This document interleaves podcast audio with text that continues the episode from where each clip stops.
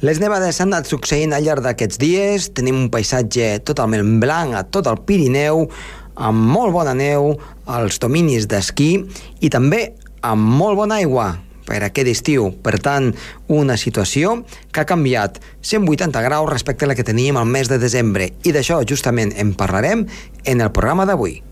Comença el torb.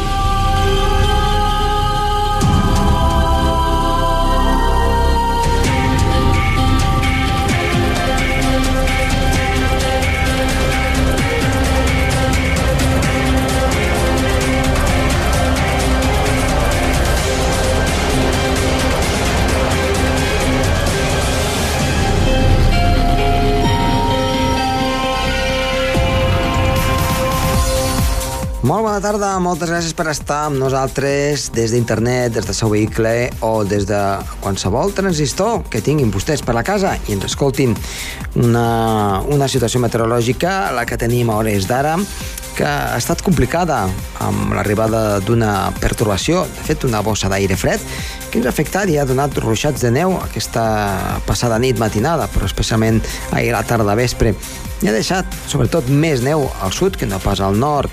Al nord com a uns 20 centímetres com a molt, mentre que cap al sud la situació ha estat de molta més neu, arribant aquesta neu a totes les cotes del Pirineu, nevant també, per exemple, a la Seu d'Ocell, deixant paisatges doncs, ben macos.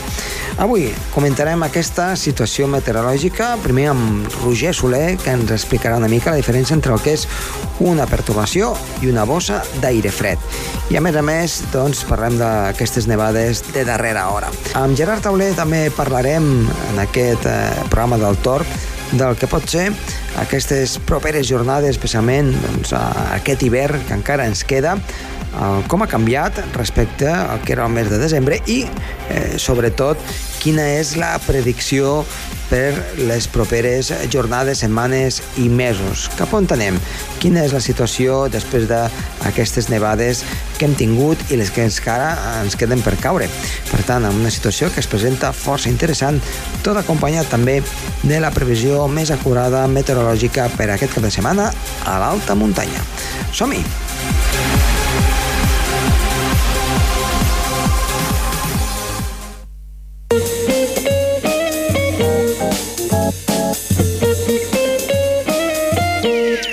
Doncs iniciem el programa amb Gerard Tauler. Gerard, bona tarda i bon any, perquè encara no ens havíem sentit. Hola, des de... bona tarda, bon any. Igualment, igualment. Um, escolta'm, um, déu-n'hi-do l'hivern que estem tenint, eh? Pensàvem sí, que la cosa... Un hivern una mica estrany, irregular. Sí, perquè havien començat amb molt anticicló, amb... amb Anticicló una... i temperatures altes al desembre, però aquest gener està sent més fred del normal, clarament més fred. Mm -hmm. I què ens pots explicar de moment doncs, de la situació que estem vivint o que s'ha viscut al llarg doncs, d'aquests darrers dies, especialment doncs, doncs amb, amb les nevades que hi ha hagut a, doncs, a, sí, hi ha hagut nevades. Primer van ser fortes cap al Pirineu, que sobretot a la cara, no? que aquí a, a, a la vostra zona d'Andorra van deixar gruixos en, en un dia d'un metre i mig, mm -hmm. doncs vaig, vaig llegir, un metre i mig al pas de la casa, no? Mm, doncs sí, a veure, també eh, aquí hi ha una cosa de que és el vent, no? Llavors, eh, clar... El vent també hauria influït. Sí, sí, he mesurat correctament, potser no era un metre i mig, eh? Però... Era un metre, pot ser, no? P podria ser, perquè clar, són, són 150 litres, o aproximadament, Va, eh? Potser una mica més. Que, que va fer baixar les temperatures aquí a Girona mm -hmm. a les darreres sota zero, després va haver-hi una pausa d'un dia i després vam tenir una pseudo-siberiana, o almenys una entrada mm. continental que va fer baixar la temperatura menys 10 a les deveses i, i, i va baixar les temperatures gairebé a zero a tot arreu, menys alguns llocs de la costa, per exemple al centre de Barcelona i cap al delta de l'Ebre. Mm -hmm. Per tant, una situació doncs, eh, força interessant. Semblava avorrida, però sí, ha donat, ha donat el tom una mica, no? Sí, sí, al País Valencià unes precipitacions realment molt intenses, amb aquesta regalada, que en tres mesos ja s'han acumulat més de 1.200 mhm. litres. Uh -huh. I, i sobretot, sobretot mm, tu, tu que ets amant de les estadístiques, sobretot de les dades, eh, allò és que quan érem petits deien a l'1, 2, 3, Torrevieja, Alicante, sí, va nevar, eh? Va, va nevar a Torrevella, sí, sí, sí. Torrevieja va nevar. Des de l'any 1926, des del mes de desembre que no ho feia. Sí, Mm sí. -hmm. eh, veritablement... I Eh, a Múrcia capital també. també. dir, Feia 32 anys, no? Potser que no, que no hi nevava. Sí, sí, sí. sí. Um, les situacions aquestes has, han estat donades per una pertorbació que se situa al Mediterrani junt, junt amb aire A la fred? Mediterrània, sí, l'anticicló sí, és que se situava Mm -hmm. entre la Gran Bretanya i, i Rússia i ens enviava vent de gregal. mm, però de totes maneres, um, perquè no hi ha més situacions d'aquestes, si no seria habitual doncs, de veure... Hauria d'haver-hi més situacions, però últimament no sé si és el canvi climàtic o Mm -hmm. no, no, no n'hi ha tantes. Però vaja, que nevi a les muntanyes, en aquest cas, eh? No, a les muntanyes, això ja és més habitual. Castelló... El, el 2013 ho va fer, l'hi- l'hivern 2013, Mhm. jo tinc un article que he baixat a l'internet i, i diu que és un fenomen força, recurrent, força no? normal que Sí. nevi. Per tant, que nevi a les al muntanyes... Pirineu, en gruixos que, que superin un metre. Mm, però també que nevi a zones com la regió de Múrcia, València, Castelló, La regió de Múrcia i València això sí, ja no és pas gens habitual. però a muntanya sí, en aquest cas, no? A les muntanyes, sí, sí, eh, sí. doncs, fins i tot hi ha pistes d'esquí, a la zona de Terol Sí. i, i col·lindants amb el que és la, la, la província de València, no? Um, que, no sé si has mirat una mica més enllà del que, del que pot continuar sent l'hivern. Eh, Sí, he mirat i el febrer podia canviar la tendència i podríem tenir ponents i temperatures més altes, però va, el febrer dona molts canvis, ja ho diu el febrer del mes boig, Sí, i podríem tenir tant ponent com un altre cop un altre cop entrades fredes. Mhm. I, home, en tot ja, cas, sembla que ja no hi haurà anticicló, hi haurà força moviment atmosfèric. llavors això... També hi ha unes situacions de sol que podrien donar pluges aquest mes de febrer. Mm Mhm. Per tant, ja va bé, ja va bé que hi hagi moviment, eh? I avui és un dia que, el dia D, que pot nevar doncs, a cotes baixes a, Mhm. aquí a Catalunya. Ara mateix a, a Sarrià i a Sal estem a 5 graus. I, eh, Mm.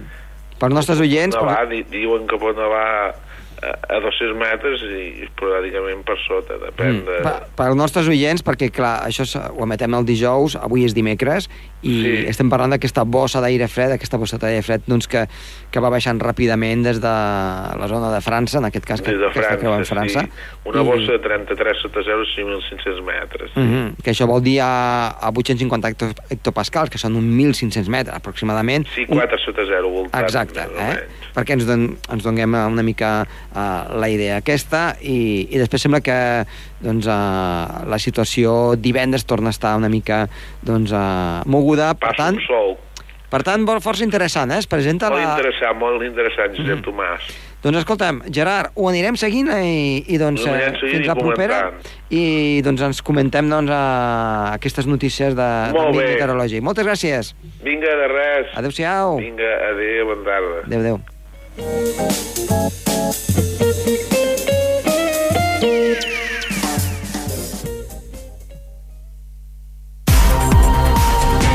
torn amb Josep Tomàs.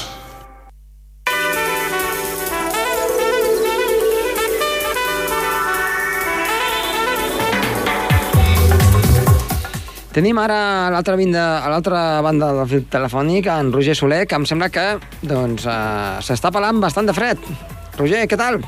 Bona tarda, doncs sí, déu nhi el fred que està fent aquí a la capital catalana, eh? Doncs sí, doncs sí, perquè eh, diem als nostres oients que eh, fem aquesta gravació avui eh, en dimecres per diversos motius. Un d'ells és també doncs, per explicar una mica doncs, aquesta pertorbació, aquesta bossa d'aire fred que està afectant en zones poc usuals, amb nevades, que després eh, ho explicarem. Però avui el tema que ens portes doncs, va relacionat amb, amb, amb tot això, no? Doncs sí, volem explicar la diferència entre una bossa d'aire fred aïllada en alçada, Mhm. que és el que la causa sinòptica, la situació sinòptica que ha provocat les nevades, especialment al Prepirineu Oriental i a l'interior de Girona, i una borrasca en superfície. Quina és la diferència? Doncs bàsicament que la pertorbació que ens ha afectat s'anomena pertorbació freda o bossa, zona d'aire fred aïllada a les capes altes atmosfèriques. En el fons vindria a ser el que anomenem una dana me- mediterrània, no? de pressió aïllada a nivells alts. Mhm. Però la meva pregunta és, per què no ho posem com a titulars? El que sí que el que ha provocat això ha sigut una dana, Uh -huh. no? Doncs- Perquè podríem dir un- una, una, una, una dana, no? una gota freda provoca nevades a l'interior de Girona. Però com és que no es produeix aquest titular quan realment és una gota freda? Uh -huh. Clar, la, No? dif la, la diferència entre una gota freda i una dana, eh, aquí... No, no és el mateix. No, és, És- el mateix. és semàntic, una gota... no?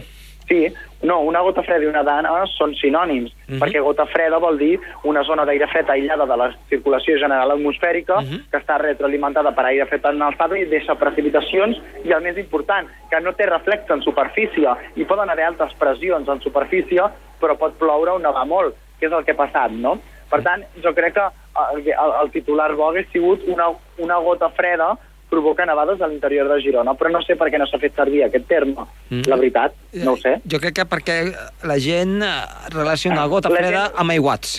Exacte, la, la gent relaciona gota freda amb aiguats, però sobretot a, sobretot a València, sobretot a València i al Mediterrani. -huh. Per Exacte. tant, però que també es pot produir una gota freda a França, en altres punts d'Europa, és simplement una zona aïllada de la circulació general atmosfèrica. Insistim, no té reflex en superfície, en el mapa isobàric no es veu absolutament res, altes pressions, fins i tot pressions molt altes, però en alçada és la clau per entendre la situació, no? Mhm. És com una zona ciclònica en alçada, per tant que els moviments tenen el gir com una pertorbació, però no es tra... és a dir, no és una pertorbació ben formada que tingui una estructura ciclònica amb una massa de núvols al voltant i amb fronts al seu voltant, sinó que és una, com una zona d'inestabilitat en alçada que genera núvols convectius i fins i tot eh, ruixats, tempestes, precipitacions o pluges, no? Sí. Que és el que va passar dimecres. Mhm. Dimecres estava al massís central francès. De fet, dimarts, dimecres es va anar despenjant pel sud de França, nord dels Pirineus, i va afectar sobretot eh, on va caure més de ple va ser a l'interior de Girona, cap al nord-est de Catalunya, perquè allà van coincidir els vents que giraven com de nord-oest, però per altra banda en superfície hi havia vents que anaven més aviat de direcció marítima. Per tant, és on hi havia la major probabilitat de precipitacions perquè és on hi havia més cissallament, més convergència, més xoc de masses d'aire i, per tant, també més humitat, zones més favorables a les precipitacions. Mm. En canvi, com dèiem, una borrasca en superfície, la diferència és que té reflex en superfície, que és una estructura tancada, ben formada, és molt visible i molt fàcil d'identificar a les imatges del satèl·lit Meteosat, i una borrasca en superfície no té per què tenir aire fred en alçada. A vegades el té, a vegades no el té. Però fixem-nos, i fixa't, Josep, que els, els huracans o els tifons a la zona tant del Pacífic com de l'Atlàntic com del Carib, no, aquestes, uh, els ciclons no tenen un No. reflexe d'aire fred en alçada, sinó al revés, tenen aire càlid en alçada. Uh -huh. Per tant, mm, seria la, el contrari, no? Retroalimentat per molt aire càlid en alçada, però sobretot eh, la base està en superfície, que formen l'ull tan marcat de la pertorbació i diferents sistemes frontals o diferents masses de núvols escombrant entorn del centre de, de baixes pressions. Aquesta seria la diferència principal que jo crec que ha quedat força clara, no? Sí, de fet, eh, podríem matitzar una cosa. Im- Imaginem-se un, un pastís, un pastís doncs, que doncs, eh, el partim en diferents capes i en, en una capa hi fiquem nata, a l'altra xocolata, i anem fent així. Llavors eh, doncs, donem un trosset a cadascú i quan, i quan te'l mires doncs, eh, veus que, ostres, el meu només té nata saps? Només té una, Exacte. una capeta de nata a dalt de tot. I la xocolata? La xocolata seria, diguem-ne, el reflexe en superfície, doncs no en té, només tens No en nata uh, en alçada, no? Ah, no, exacte, exacte. Seria una mica això que acabes d'explicar. Escolta'm, uh, explica'ns una mica doncs, com ha anat aquesta pertorbació en zones fora del Pirineu. Quina incidència Doncs sí, ha doncs- tingut? doncs, algunes complicacions de les carreteres de la Garrotxa, que, que la Garrotxa, clar, sempre costa definir, no? És prepirineu, Mhm. és subpirineu, que un geògraf ho definia com subpirineu, el Lluís, el Lluís no sé què més, no me'n recordo el cognom, Mhm. definia com subpirineu, és serlada transversal, és interior de Girona, um, hi ha gent que fins i tot diu podria ser com comarques interiors de Catalunya. Clar, Catalunya central no és Garrotxa, Pirineu tampoc, prepirineu o prepirineu o serra transversal, podria ser, però podríem dir que és una zona amb clara influència pirinenca, malgrat no sigui estrictament Pirineu, no? Quins gruixos acumulats? Fins a 15-20 centímetres en punts del Ripollès, a les collades que connecten amb la Garrotxa, Coll de Canes, Santigosa, la, el Coll de Bracons, es van produir incidències a les carreteres, es van produir també alguns, alguns per exemple, alguns accidents d'un camió que va fer tisora a causa del gel. Clar, són zones menys acostumades a la neu, com a mínim, que arribi fins a les valls i fondalades, no? Sí. Per tant, va provocar aquestes incidències, nevades de 2 a 10 centímetres, a, a Montseny, interior de la Selva, interior de l'Alt Empordà, comarca d'Osona, Berguedà, va arribar a caure neu, molt poc, molt poca precipitació, molt poc gruix a la Noia, uh -huh. a l'interior del Baix Llobregat, a Montserrat, en punts del Pla de Bages, s'ha vist nevar també en punts de la Sagarra, sobretot Alta Sagarra, l'Alta Noia, uh -huh. i fins a l'interior de l'Alt Penedès. Uh, però en tot cas han sigut bloquejades. Uh -huh. Poca precipitació, molt poc gruix de neu, menys de dos centímetres, però és el que estava previst perquè a la màxima zona de convergència de vent, de cisallament, de xoc, de masses d'aire, que coincidia amb el pas de la, diguéssim, de la part lateral posterior de la bossa d'aire fred tancada, era aquestes comarques, Ripollès, Garrotxa i de Resquilló Nord de la comarca d'Osona. En aquestes zones és on s'ha reactivat més la precipitació que, amb les baixes temperatures, ha tingut forma de neu. Mm, I, de fet, el, el Servei Meteorològic de Catalunya doncs, ho, ha, ho ha encertat eh, força bé en aquest aspecte a l'hora de donar els avisos. Doncs sí, eh, jo crec que els avisos han estat molt encertats. L'equip del Santi Segalà, que és el cap de predicció del Meteocat, no? avisaven de gruix superior a 2 centímetres per sobre dels 500 metres i més de 10 centímetres per tant, per sobre dels 1.000 metres d'alçada, i així s'ha produït, no? Eh, Ha caigut fins a 20 centímetres al Puig de Calm, a Sant Andreu de la Bola, a la zona limítrofa elevada eh, de l'oest de la Serra Transversal, tocant també a Bellmunt, tocant també a la zona de la Vall de Camprodon, en punts del Ripollès, en punts del Berguedà, fins a 20 centímetres han caigut en zones més aviat altes, mitges i altes, per sobre d'aquests 1.000 metres d'alçada. Per tant, ha sigut una mm, bossa d'aire fred que a vegades ens porta de corcoll, però aquest cop, doncs, l'han clavat els models. Sí, sí, sí. I ara l'espera demà a veure què passa, perquè sembla que cosa doncs, també està, està calenteta en aquest Està aspecte, molt, eh? Bueno, i, més, i molt bé, tu has dit calenteta, perquè pujarà la cota de neu, uh Mhm. -huh. i tota la neu que el dimecres va caure a cotes baixes serà pluja i ja nevarà per sobre dels 1.000 a 1.200 metres d'alçada. Sí, sí, però bueno, uh, en zones on ha deixat aquests 20 centímetres s'anirà acumulant, eh? Clar, per tant, pensa, no, no, pensa que el Puig de Calm, el cap de setmana i de cara a dilluns, pot tenir uh, una de les nevades uh, més importants de les últimes dècades. Pot, uh, el gruix, com a mínim, no? És a dir, no la nevada, no una única nevada, sinó el gruix acumulat més important de les última, dels últims anys. Pensa que ja, abans de la nevada de dimecres, ja van caure en alguns punts mig metre de neu en algunes zones del Puig de Calm més la nevada de dimecres, que aproximadament va deixar 20-20 centímetres, ja són 70-80 centímetres, més el que pugui deixar divendres i dissabte, que segons alguns models marquen 70-80 litres, Mhm. això es pot convertir en pràcticament uh, metre i mig, metre 70 de neu, eh, el Puig de Calm, no dalt de tot, perquè és més aviat rocallós i no Sí. s'aguanta la neu, sinó més aviat a les fagedes i a les zones forestals d'una mica més a sota, no? per tant s'augura un, cap de, un cap de setmana per poder-ho visitar amb, amb, amb tranquil·litat i amb prudència, evidentment. Amb tranquil·litat, exacte, amb tranquil·litat i prudència, però sobretot amb un paisatge idíl·lic a les zones més altes de Camp, però en canvi les valls ja amb, sense rastre de neu. Mm -hmm. Doncs, Roger, eh, abriga't bé i, escolta, moltes gràcies i ens tornem a trobar la setmana vinent. Perfecte, adéu-siau. Adéu-siau, gràcies.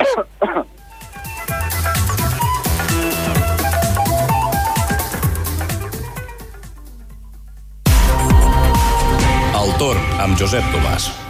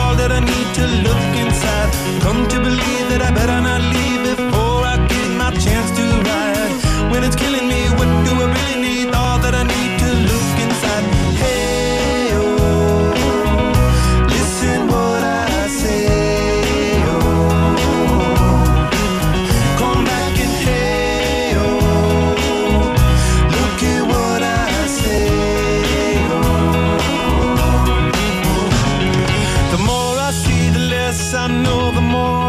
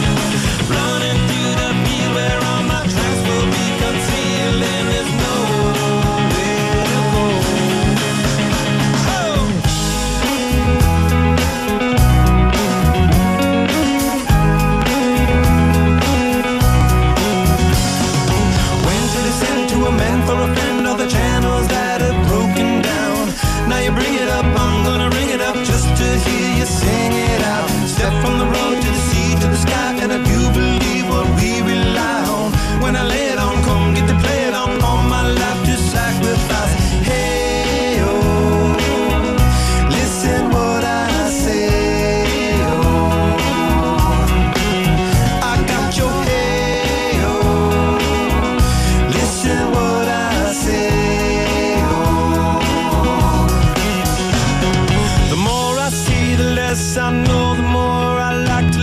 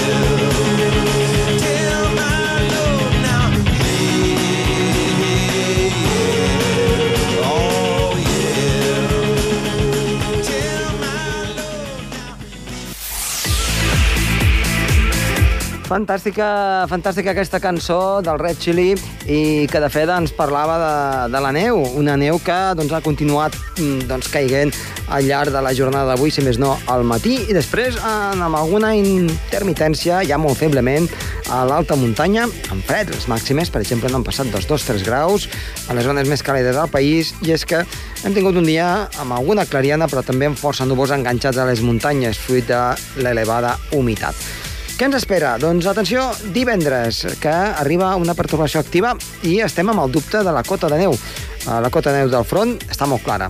Està cap als 1.100, pujant cap als 1.400 metres. Però, a mesura que vagi avançant doncs la nit, si es queda cada cop més asserenat, han de baixar les temperatures, ha de gelar i aquest aire fred es pot acumular a les zones més baixes, el que vol dir que quan arribi doncs la pertorbació es pot trobar amb aquesta cota de neu que porta intrínseca de 1.100 metres en un primer moment, però amb aire fred fins a baix de tot de les valls d'Andorra i també en general del Pirineu, amb el que podríem tenir alguna sorpresa i començar nevant molt més avall del que tocaria. Això doncs, hauria de passar al llarg del matí, mig matí, que és quan comença més la precipitació, i després, a poc a poc, la cota de neu aniria remuntant perquè ja es barrejaria una mica l'aire. Per tant, sembla que doncs, demà, més no, a muntanya, la neu està garantida, per tant, bona notícia per les estacions d'esquí, i el millor, eh, dissabte, a partir de mig matí, ja eh, a poc a poc es van obrint clarianes. I per tant, gran part de dissabte i de diumenge el temps serà cada cop més estable i assolellat amb un lleuger augment de les temperatures. Lleuger, no farà calor ni molt menys, però sí que les màximes tindran tendència a pujar.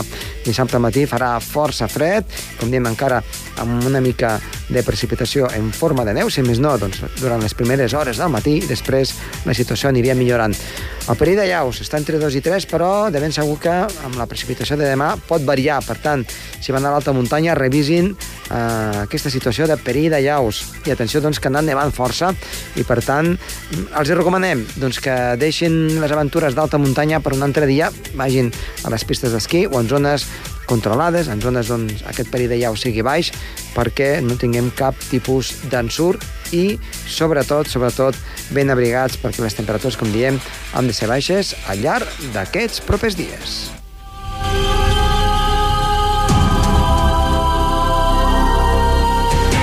I fins aquí el programa d'avui. Ha estat de les vies de so, Andreu Trastoi, i qui els hi parla amb molt de gust, Josep Tomàs. Adéu-siau, fins la setmana que ve. El torn amb Josep Tomàs.